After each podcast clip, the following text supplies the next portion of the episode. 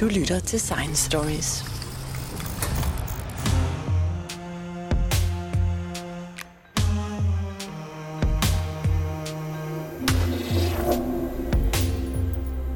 Evolutionsteorien er en af de mest grundlæggende teorier inden for biologi. Men selvom teorien spiller en vigtig rolle for forståelsen af levende organismer, har der været mange angreb og udfordringer til den grundlæggende teori op gennem historien. Og historien er slet ikke slut. I studiet i dag har jeg bioinformatiker på klinisk mikrobiologisk afdeling Hvidovre Hospital, Peder Warning. Og Peder Warning, den oprindelige titel på Darwins værk er nærmest et åbent spørgsmål. Den hedder nemlig om arternes oprindelse ved naturlig selektion eller bevarelse af de bedst tilpassede raser i kampen for tilværelsen. Du må lige forklare, hvorfor dette spørgsmål? Jamen, jeg er ikke sikker på, at det er et spørgsmål. Jeg tror, at det eller skal forstås som en uddybning. At den første titel, det er den korte titel, og den anden, det er så en uddybning. Så jeg tror, elleret er en mulighed for at sige noget mere. Så det vil sige, at han prøver at lægge mere i titlen end bare det, at, at det er evolution. Der findes mere end bare evolution. Altså, det han i hvert fald siger, det er, at øh, der er den der kamp i, imellem arterne og, og mellem individerne. Så han er meget optaget, at der er en kamp om at overleve, og en kamp om at få afkom nok, sådan så man altså får næste generation øh, øh frelst videre. Ikke? Så på den måde så er han meget optaget af konkurrencen mellem individer og arter. Det er også det, man øh, øh, har set masser af diskussioner omkring det her med, at de stærkeste overlever, eller de bedst egnede overlever. Men i virkeligheden er det meget mere kompliceret. Ja, altså det er jo det, jeg arbejder på for tiden. Det er jo at prøve at forstå, hvor vigtigt samarbejdet mellem forskellige arter, eller det vi kalder symbiosen med et teknisk udtryk, betyder, hvor vigtigt det er for evolutionen, hvad det betyder for, hvordan tingene har udviklet sig. Og jeg mener i virkeligheden, at mange af de allerstørste spring i evolutionen er sket, når forskellige arter har mødtes og gjort noget sammen, som de ikke kunne hver for sig. Og der er både meget store og meget små ting. Altså for eksempel skete der jo på et tidspunkt det, at der kom ilt øh, i atmosfæren. Ja, lige præcis. Altså det, vi kalder den ilddannende fotosyntese, er jo måske en af de vigtigste udviklinger, vi overhovedet har haft. Fordi det er jo den, der har gjort livet omnipotent, eller livet altomfattende her på jorden. Fordi før det, så var der jo det, der hedder kemoautotrofer, altså nogen, som udnyttede nogle kemiske ubalancer, nogle vulkanske salte, som de kan omsætte og få energi ud af, og bruge det til at lave nye celler. Og det var altid begrænset af, at der skulle være noget bestemt kemi til stede. Men den oxidative fotosyntese, den bruger vand og CO2, som der har været overalt på jorden, alle steder. Så alle steder, hvor der var vand og CO2 og sollys, kunne livet vokse frem. Og det er jo det, der har skabt den atmosfære, vi har i dag, men altså måske endnu vigtigere, gjort, at livet er overalt på vores planet. Mm.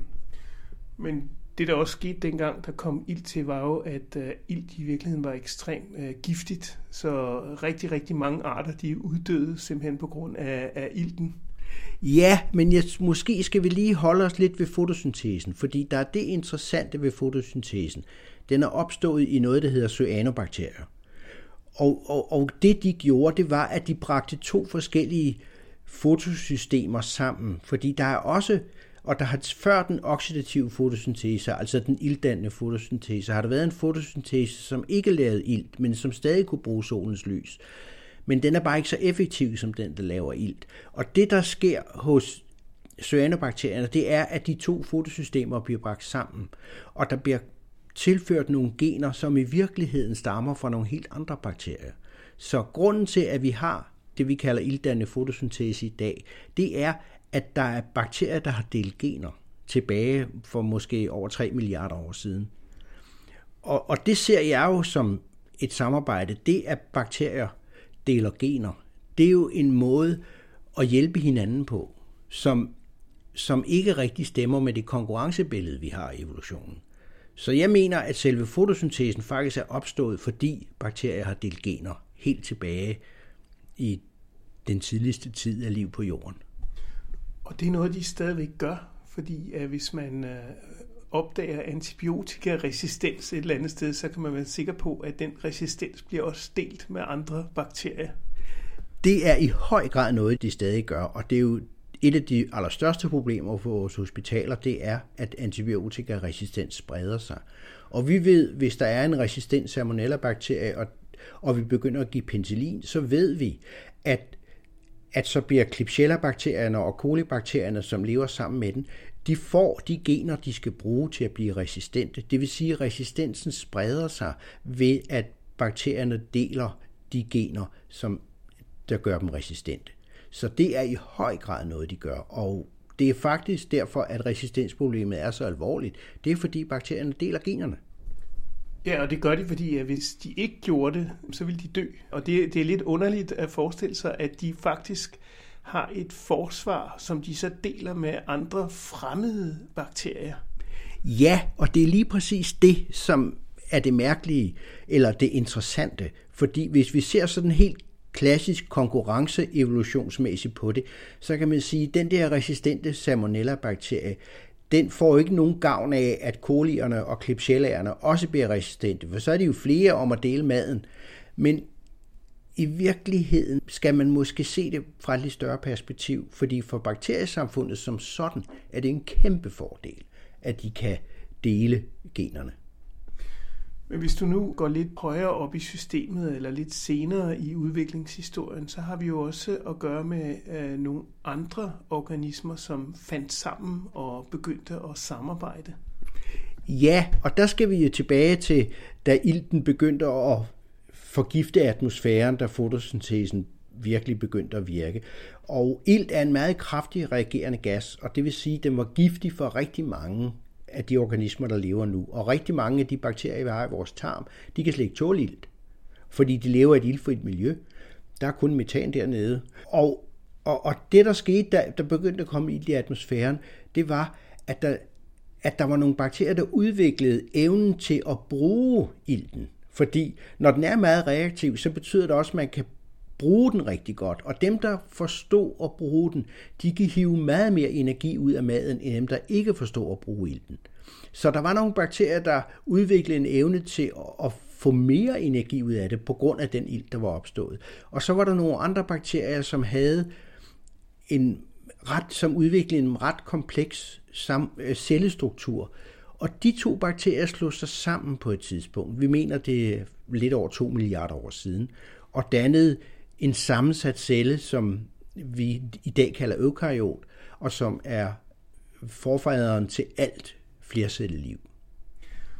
Og, og det, der er spændende der, det er jo, at vi faktisk øh, stadigvæk øh, siden dengang kan se i vores celler, at der skete en sammensmeltning med forskellige øh, organismer. Ja, lige præcis, fordi vi inde i vores celler har vi noget, der hedder organeller, og det er organer inde i celler, altså meget småt. Og de, der er nogen, der hedder mitokondrier, som laver al vores energistofskifte.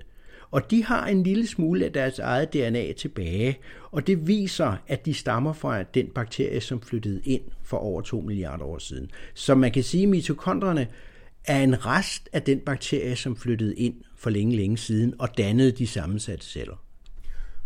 Og man kan sige, at vi har, vi har faktisk her på Science Stories lavet et helt program, der handler om øh, mitokondrier, der er rigtig meget spændende at fortælle, men man kan se, at det er oprindelige bakterieceller, som har øh, slået sig sammen med nogle andre celler, og, og så dannet nogle øh, rigtig smarte øh, celler, der kunne udnytte ilten meget bedre.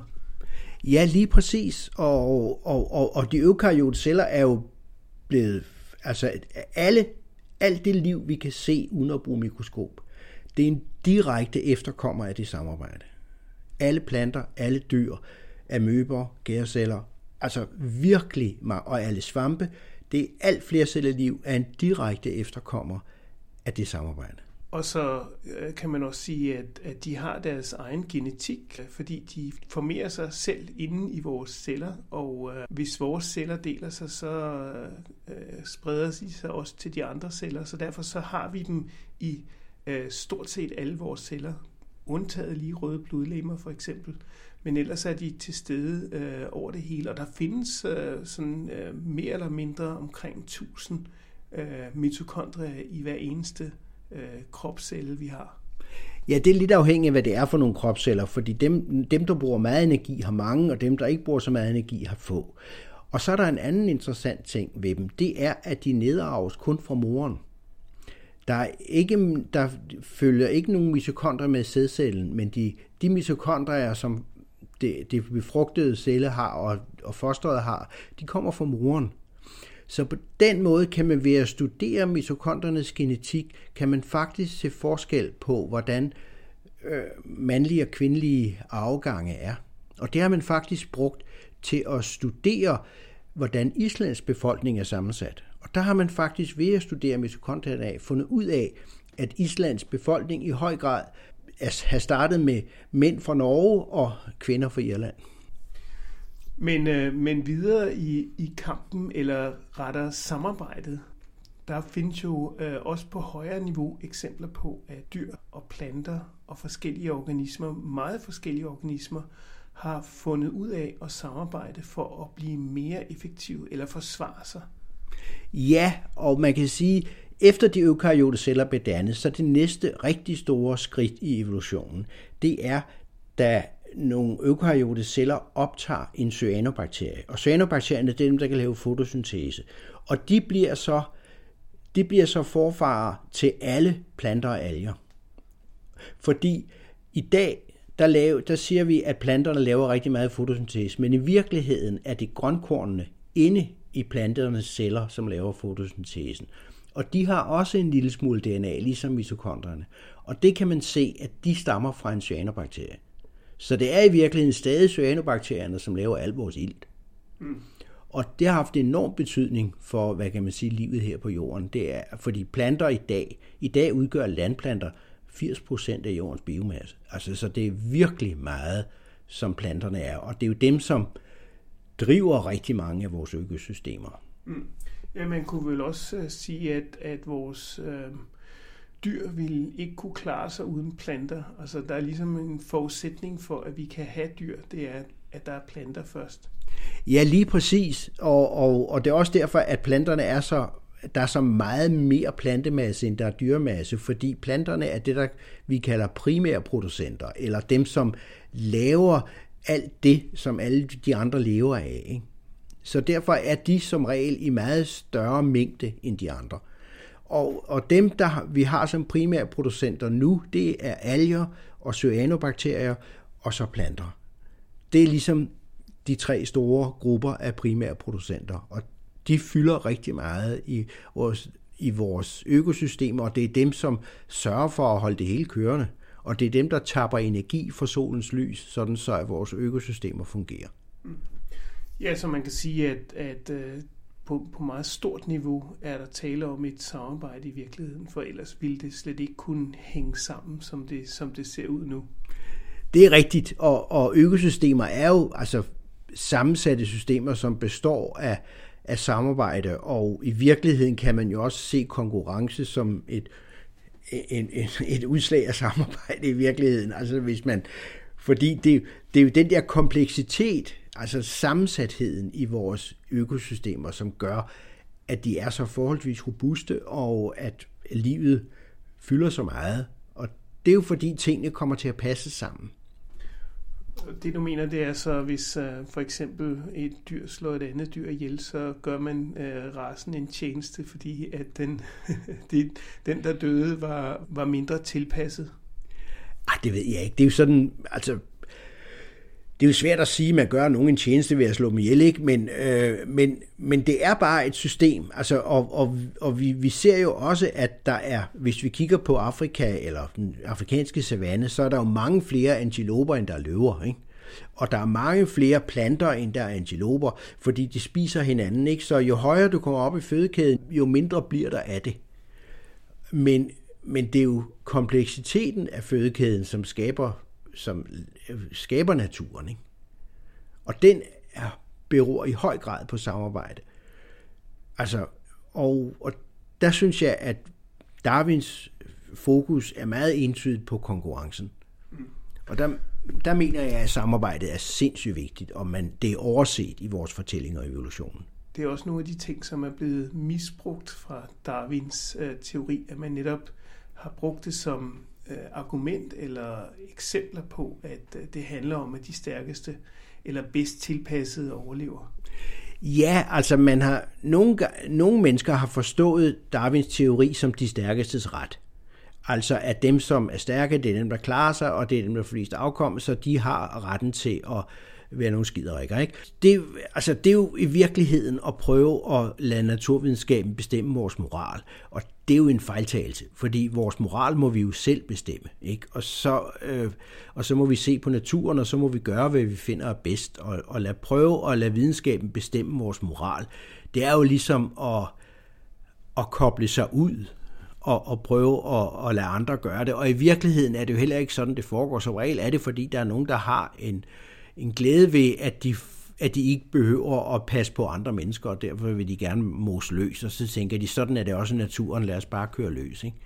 Men jeg tænker også på, at der findes nogle rigtig gode eksempler på, øh, at forskellige systemer har kunnet samarbejde på tværs. Altså sådan så, at man øh, virkelig får øh, mobiliseret både dyr og planter og jeg ved ikke hvad, for at lave nogle komplekse systemer, som skaber balance.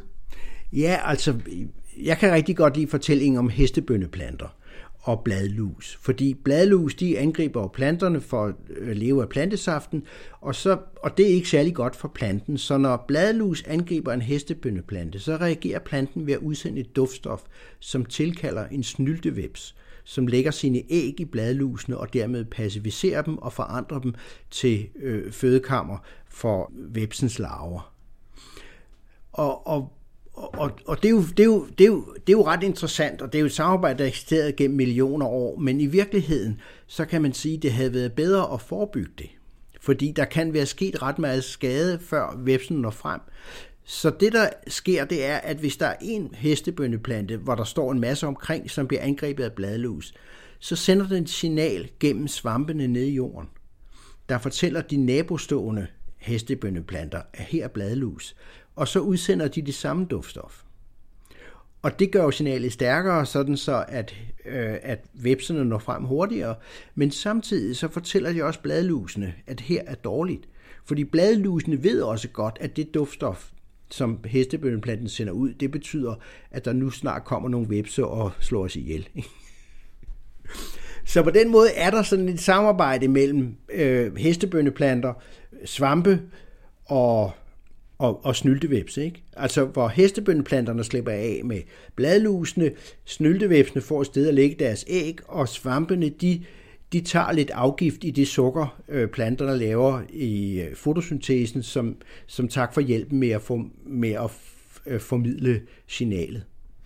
Men det får mig til at tænke på, at jeg netop også har, har hørt nogle evolutionsforskere snakke om, om sådan øh, evolutionær hukommelse, som handler om, at, at øh, de her dyr eller planter, at de er forberedt på ting, som, øh, som sker meget sjældent, og som de måske aldrig nogensinde har oplevet i deres opvækst, eller, men de er klar, hvis, øh, hvis der sker øh, oversvømmelse eller noget, en større naturkatastrofe, fordi de har jo ligesom overlevet det før, eller er blevet selekteret til at kunne klare det. Ja, det kan man sige. Alle de, altså for eksempel hestebønneplantens evne til at tilkalde snyttevæbsen, og den kan jo være helt uaktuel for nogle hestebønneplanter, hvor der aldrig er bladlus. Ikke? Så, det er jo, så, så alle individer inden har jo tit nogle egenskaber, som de ikke får brug for, men som alligevel nedarves, fordi på lang sigt er de gavnlige. Ikke? Sådan så hvis man kigger over mange grupper, så er de gavnlige. Og øh, jeg synes måske lige, vi skal knytte en bemærkning til bladlusene. Fordi de er jo heller ikke uden partnere, vel? Selvom de er offrene i denne her historie, så kan de også klare sig, fordi bladlus, de lever af plantesaft, og det er der meget, meget få proteiner i. Det vil sige, at de mangler det, vi kalder essentielle aminosyre i deres kost. Og grunden til, at bladlusene overhovedet kan leve af den plantesaft, det er fordi, de har nogle bakterier levende inde i deres celler, som laver aminosyre til dem. Og de har levet der i mange år. og er næsten som en slags mitokondrier efterhånden, fordi de celler er selv skrumpet meget og har meget lidt DNA tilbage. Så de er sådan en slags øh, mitokondrier, der er ved at blive til. Og vi ser dem faktisk i rigtig mange insekter, har faktisk sådan nogle bakterier levende inde i deres celler, som hjælper dem med forskellige næringsstoffer.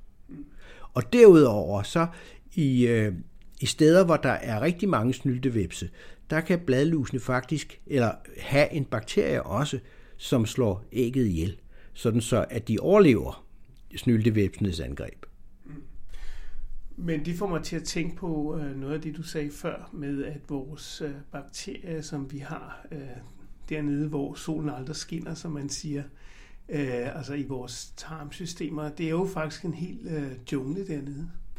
Ja, det er en afsindig jungle, og i virkeligheden er mange dyr jo fuldstændig afhængige af dem. Ikke? Altså alle græsspisende dyr ville dø af sult, hvis de ikke havde bakterier i deres tarm, fordi de kan ikke fordøje den cellulose og det lignin, som planterne er lavet af.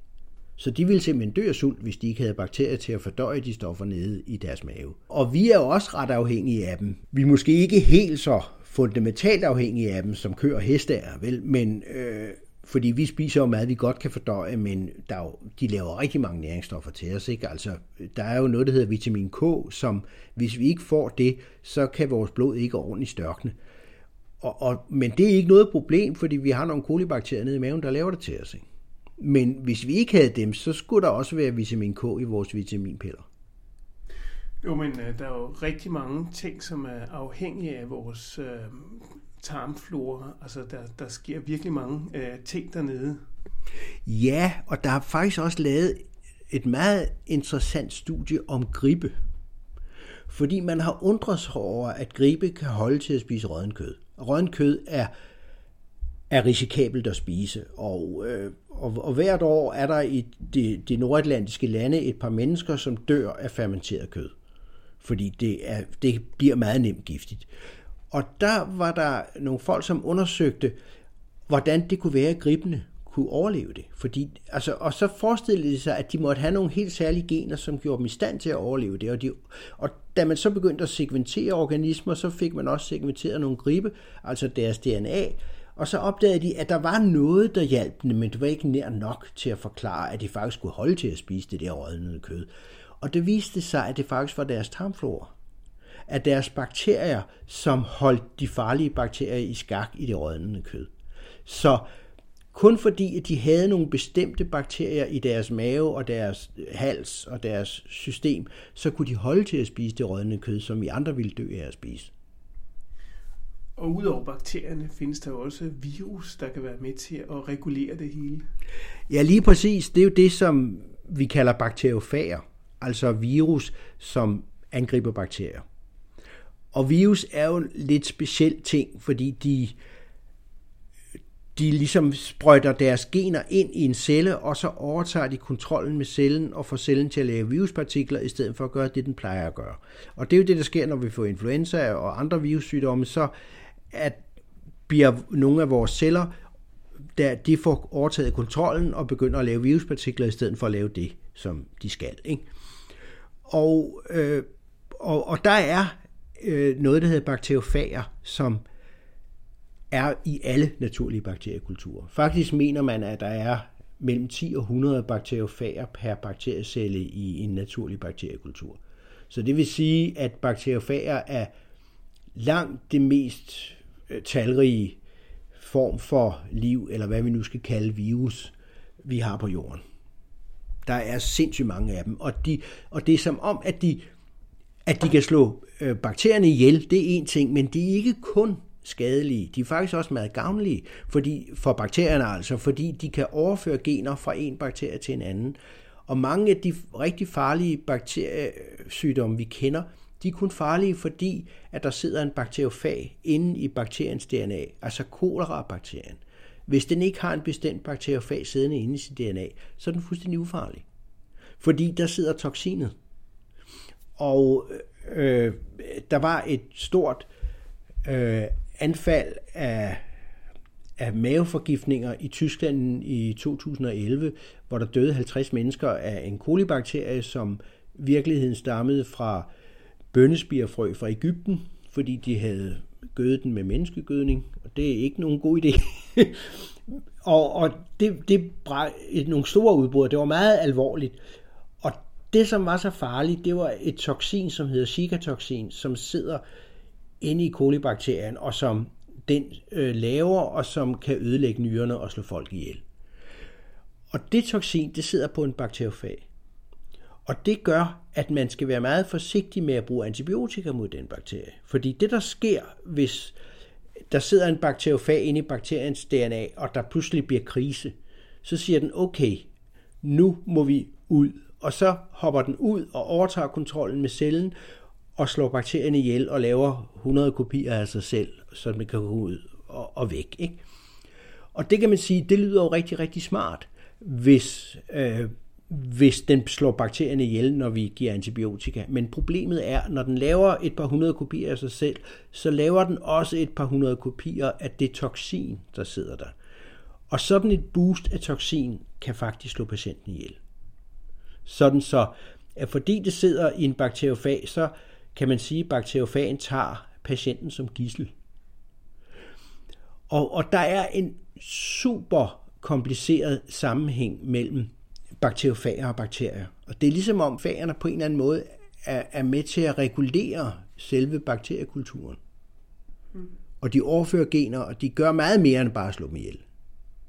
Men uh, Peter, alt det her liv, som vi har i vores uh, tarme, det er jo også problematisk at, at studere, fordi at, uh, det er jo ikke sådan, at man bare lige kan tage en prøve ud og dyrke den i små petriskål, som mange måske forestiller sig, fordi at øh, det kan faktisk ikke rigtig leve uden for tarmen. Ja, det er rigtigt. Altså mange af de bakteriearter, vi finder, når vi øh, analyserer tarmflora, de, de, de er faktisk lidt hemmelige, for vi kan ikke få dem til at gro i laboratoriet. Og den måde, vi analyserer tarmflora på, det er ved at simpelthen at tage en lort, og så finde alt det DNA, der er i den lort. Og der finder man en masse menneske-DNA, det smider man så ud, fordi det, man ved jo godt, at der også men, men derudover finder man rigtig mange bakterier.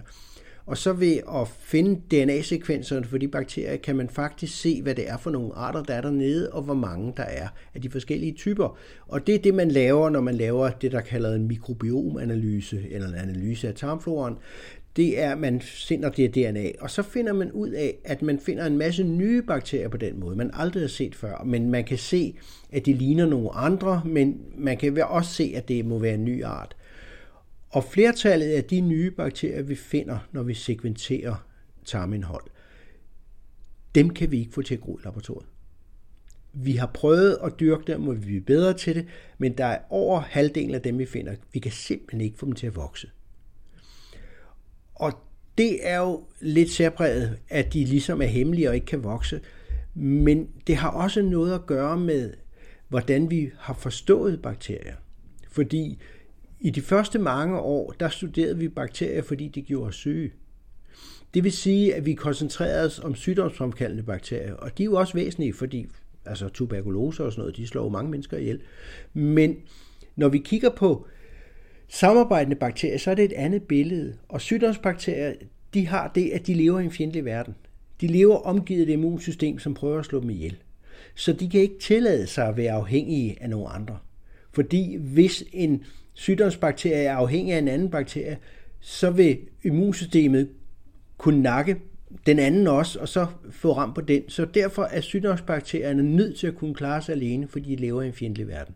Mens at vores symbiotiske bakterier, altså tarmbakterierne, vores normale mikrobiom, de lever i en venlig verden. Så de, de er afhængige af andre bakterier for overhovedet at vokse. Og det er derfor, at at mange, flertal af de bakterier, vi har i tarmen, de kan simpelthen ikke vokse alene. De kan kun vokse i en kultur, hvor der også er andre til stede. Mm. Og på den måde kan vi ikke karakterisere dem, fordi den måde, vi er vant til at karakterisere bakterier, det er det, vi har brugt til at karakterisere sygdomsbakterier. Og det kan vi ikke bruge, når vi karakteriserer altså symbiotiske bakterier.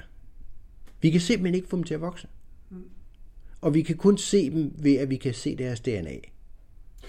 Men øh, det fænomen, hvis vi lige går ud af tarmen et øjeblik, så må man sige, at, at det fænomen, at man er afhængig af andre for at kunne reproducere sig, det er jo meget udbredt, hvis man, øh, hvis man kigger ud på planteriget for eksempel.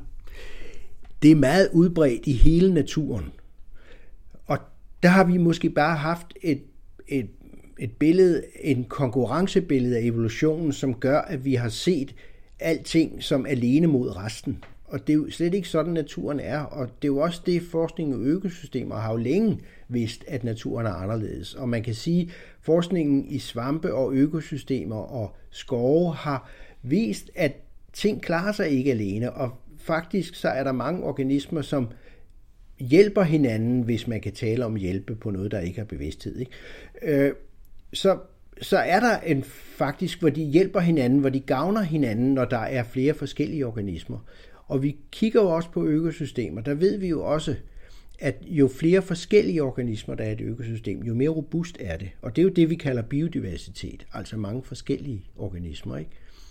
Og hvis vi kigger på landplanter, som jo i dag udgør 80% af jordens biomasse, så det er jo virkelig væsentligt, de, det er faktisk opstået som nogle grønalger, der er gået på land, nogle ferskvandsalger, der er gået på land, det vil sige gået i land for floder og søer på landjorden.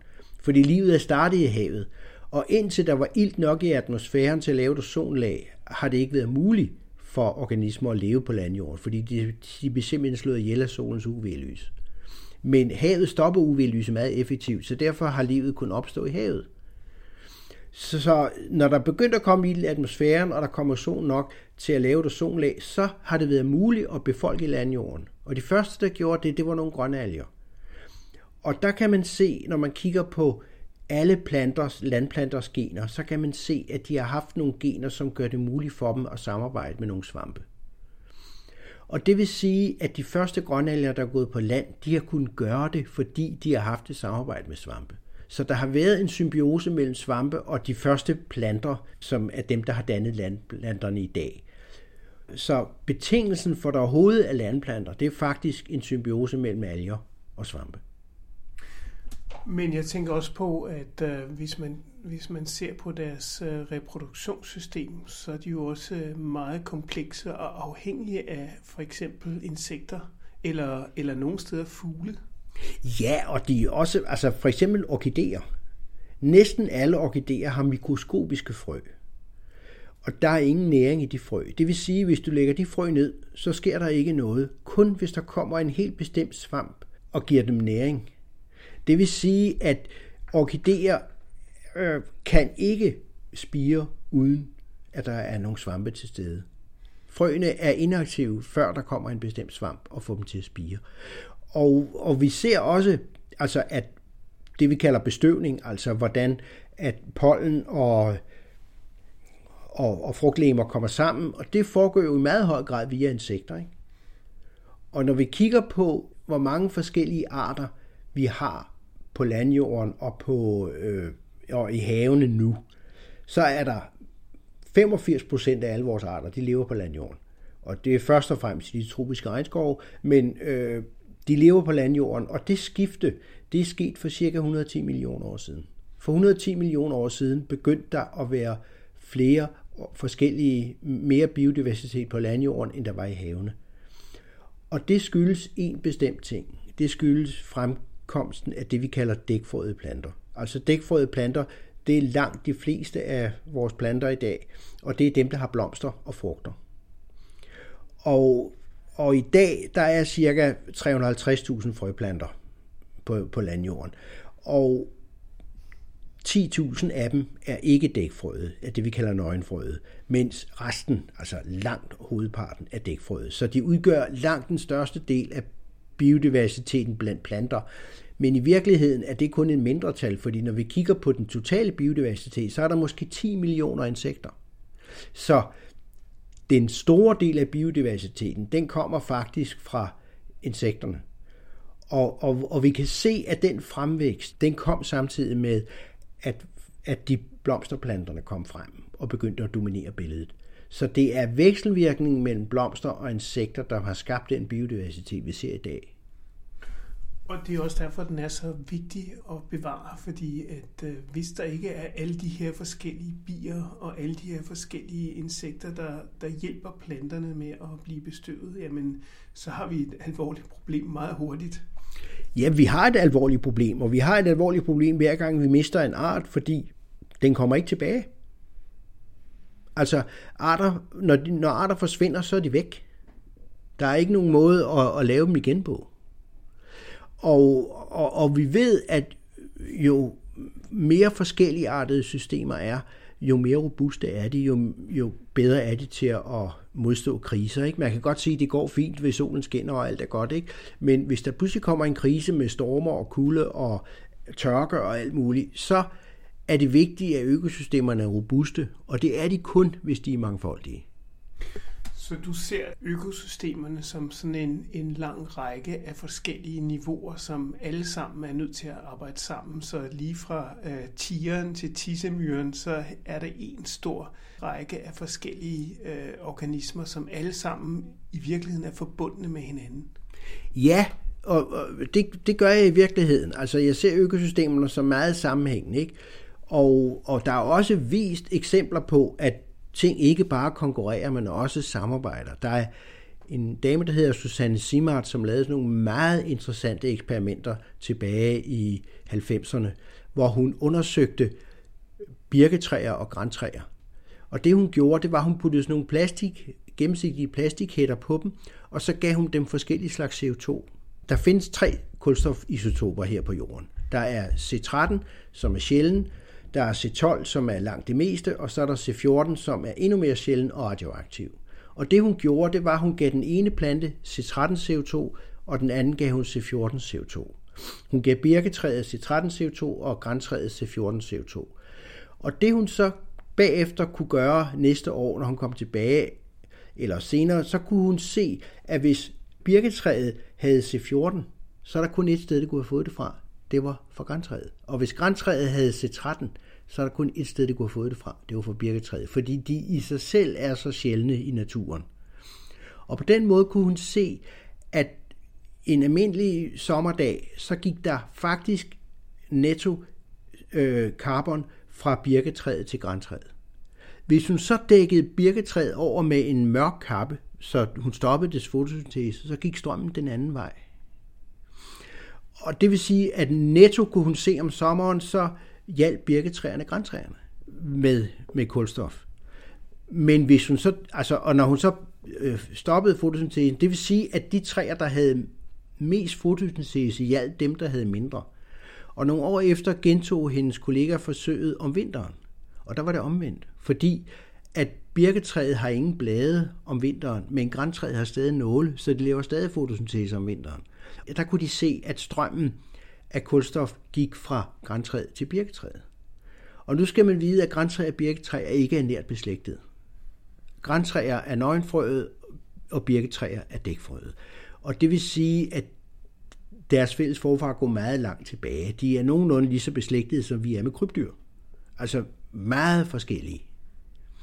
Så der er altså et samarbejde mellem træer, som er meget forskellige og det foregik gennem svampene nede i jorden. Så, så den der forestilling om, at, at det bare er konkurrence, det, det er det ikke. Der er også konkurrence, men det er også, at naturen hjælper hinanden. Mm. Og, og det er i virkeligheden det, som, som Darwin måske overså dengang han skrev øh, sin bog om arternes oprindelse, at øh, jamen det er rigtigt, at øh, det er survival of the fittest, altså den mest tilpasningsdygtige, der overlever, men der er også rigtig meget samarbejde, og naturens samarbejde på mange forskellige niveauer, og et samarbejde, som også er udviklet over ikke bare øh, årtier og hundreder, men millioner, måske milliarder af år. Ja, lige præcis. Ikke? Altså, vi kan jo se, at, at at de mitokondrier, vi har inde i vores celler, som laver vores energi, de er jo kommet ind for 2 milliarder år siden. Ikke? Så det er jo noget, der er foregået over meget, meget lang tid. Og, og vi ser mange af de der systemer, det er jo nogen, der har udviklet sig gennem millioner af år. Ikke? Så det er jo nogle meget øh, langt virkende processer, og det er jo det, der er så vanskeligt ved evolution, at vi står nu og har et øjebliksbillede, mens at den tidsskala, det foregår over, det er jo noget, vi ikke kan bruge i forskning. Altså, vi kan jo ikke vente en million år på, at, at en art forsvinder, eller kom, der kommer en ny tilvæld. Altså, det er jo, altså, så er vi jo døde i mellemtiden. så, og det er jo derfor, at når vi kigger, så kan, må vi kigge på de forsteninger, der er i forskellige lag, og så prøve at forstå, hvordan tiden så ud dengang. Ikke? Der kan vi se, at evolutionen har betydet ikke bare konkurrence, men også i, i høj grad samarbejde. Ja, det kan vi, fordi vi kan jo se, at, at vi har mitokondrier, som skyldes, at to forskellige celler, en arkæa og en bakterie, slog sig sammen for lidt over 2 milliarder år siden og lavede en ny type celle, som i dag fylder det meste af, af vores natur, altså de eukaryote celler. Ikke? Og, og vi kan så se, at så på et senere tidspunkt, så er der en eukaryot celle, der har optaget en cyanobakterie, og så laver de dem, der bliver til planter og alger, ikke? og det fylder jo også enormt meget i dag. Ikke? Altså gå ud og se, 80% af al biomasse, det er landplanter. Ikke? Og landplanterne er aldrig kommet på land, hvis de ikke havde fundet nogle svampe og, og slå sig sammen med. Og biodiversiteten var aldrig blevet så stor, hvis der ikke havde været et samarbejde mellem blomster og insekter. Så, så de store skridt skyldes altid samarbejde. Altså er forskellige organismer møder hinanden og gør noget, som de ikke kan gøre ved især, men kun kan gøre sammen. Så der er god grund til at samarbejde. Tak skal du have, Peter Warning. Selv tak.